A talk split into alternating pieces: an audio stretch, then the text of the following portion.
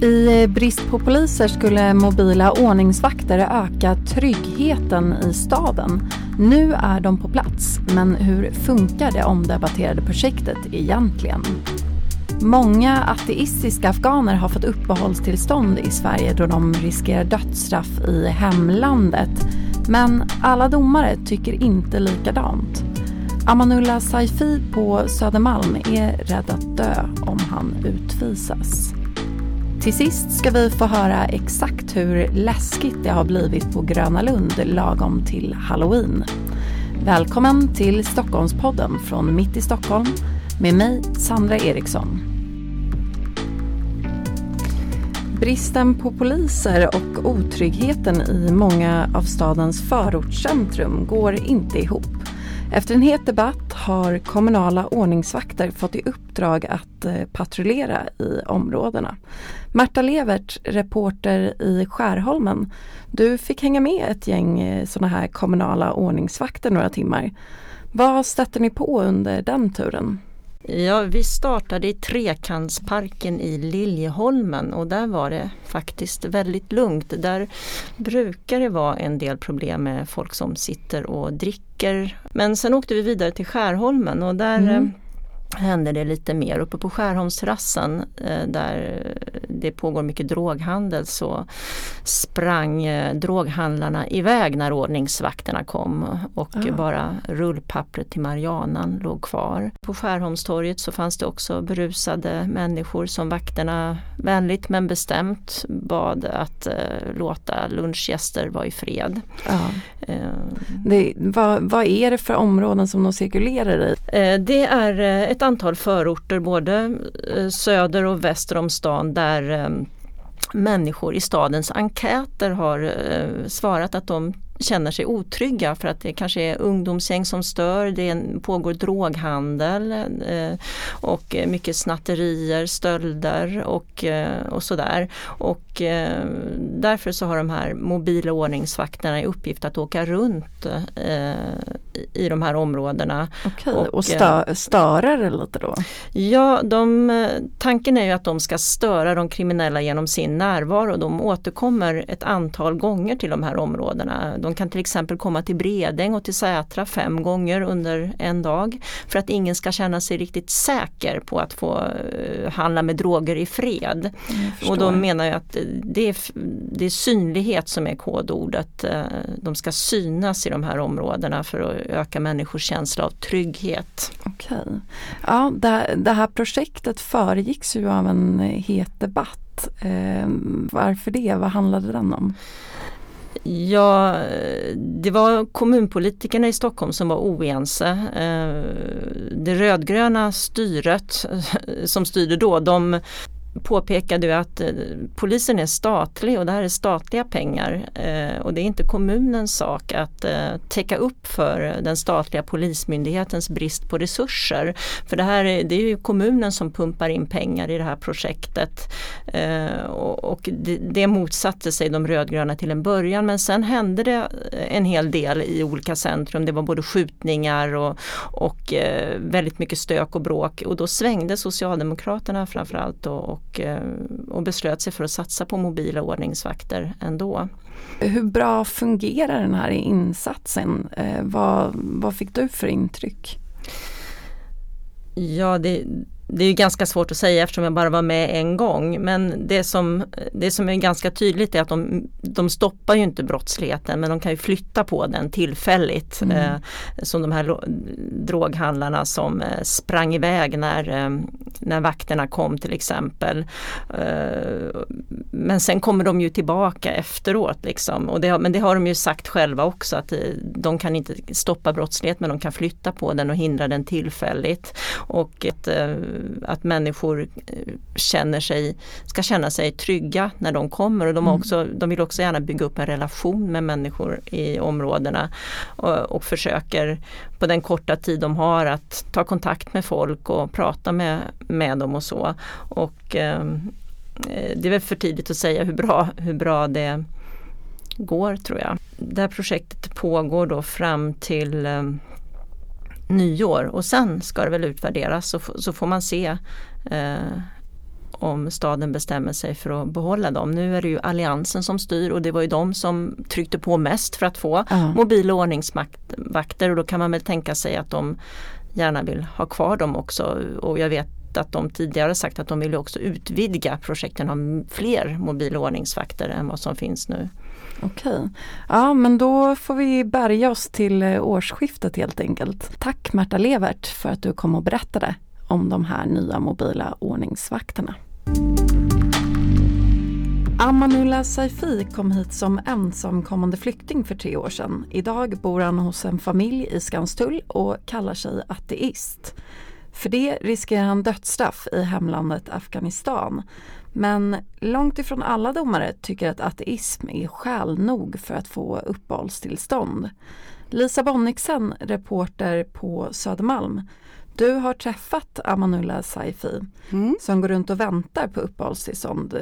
Berätta, hur, hur mår han i den här processen? Ja, han mår ju inte speciellt bra förstås, vilket man kan tänka sig. Nej, men han beskriver väntan just som fruktansvärd. Mm. Att, han, att han har gått klart språkintroduktionen och så där, att han vill bara få besked förstås.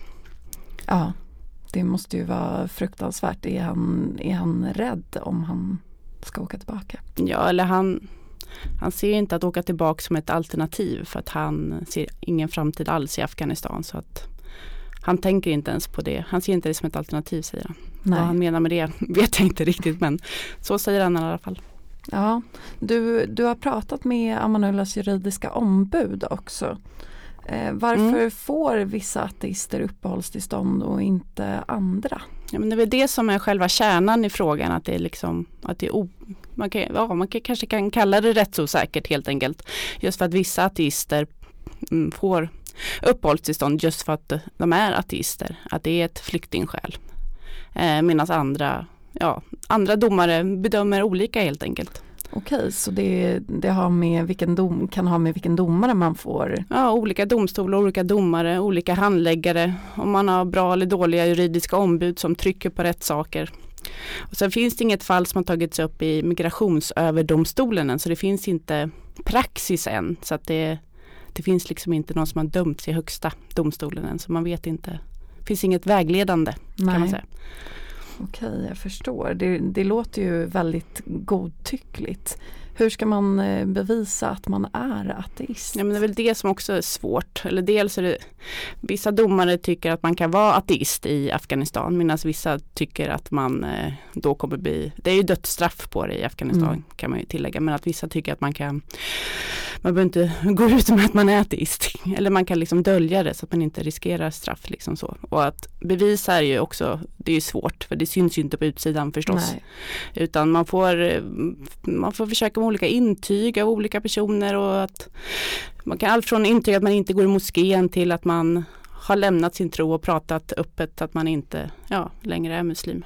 Men, men inte ens om man lyckas bevisa att man är ateist här i Sverige så har man eh, möjlighet att få uppehållstillstånd?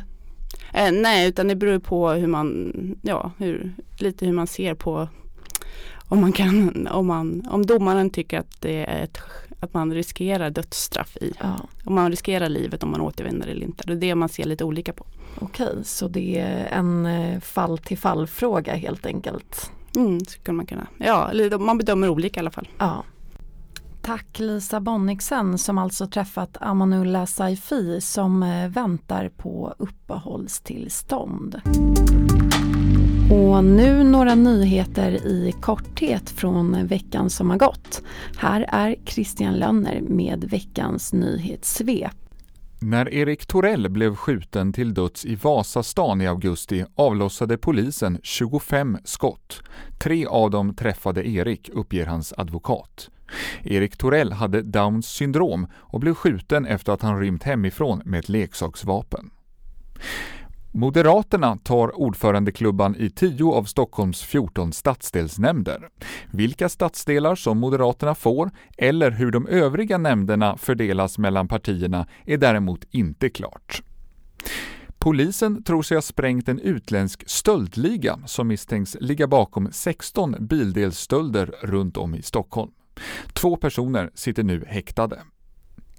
Det var pang-pang och kamouflageklädd militär på flera håll i Stockholm i förra veckan, däribland Farsta, Lilla Essingen och Solna. Det var Försvarsmakten som genomförde militärövningen Terminus och vecka 45 kommer militären tillbaka för att fortsätta övningen. Bergmanåret avslutas på Dramaten med uppsättningen av Fanny och Alexander, Bergmans Oscarsbelönade långfilm. Nypremiär den 3 november. Och till sist sport. Hammarby bandy får vänta med att gå på is. Det milda vädret gör att premiären, som skulle ha spelats nu på fredag, ställs in. Nu ska vi lyssna på hur det lät när Allt om Stockholms reporter Johan Thornton besökte Gröna Lund förra veckan.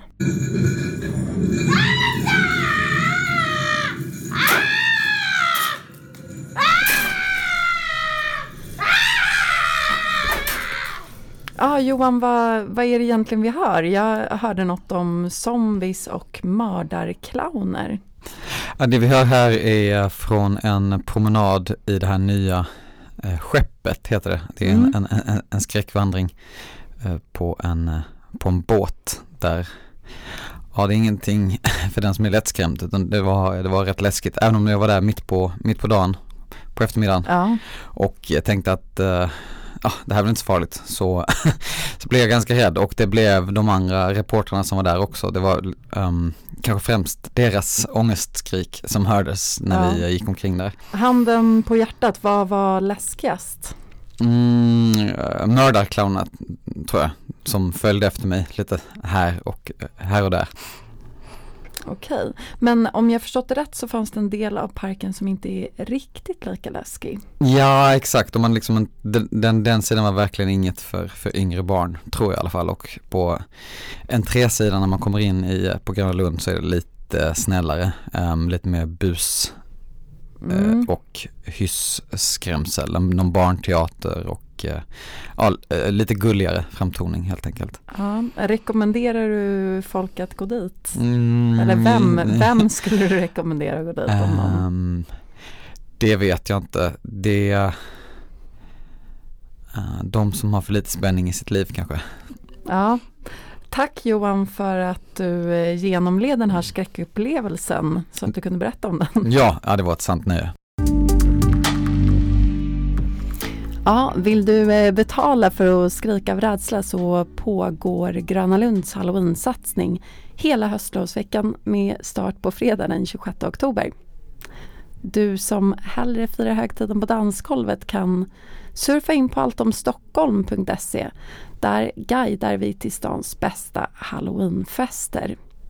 Missa inte heller att lyssna på vår intervjuspecial med Stockholms nya finansborgarråd Anna König Järlemyr från Moderaterna. Det gick ju inte så bra eh, för Moderaterna som vi hade hoppats, varken i Stockholm eller i landstinget eller nationellt. Då måste vi också förhålla oss till valresultatet och det innebär att vi har eh, fler partier nu att, att behöva förhandla med och eh, hitta en framkomlig väg. Leta upp Stockholmspodden där du vanligtvis lyssnar på poddar och eh, prenumerera gärna så riskerar du inte att missa någonting. För fler nyheter surfa in på mitti.se. Du har lyssnat på Stockholmspodden med mig, Sandra Eriksson.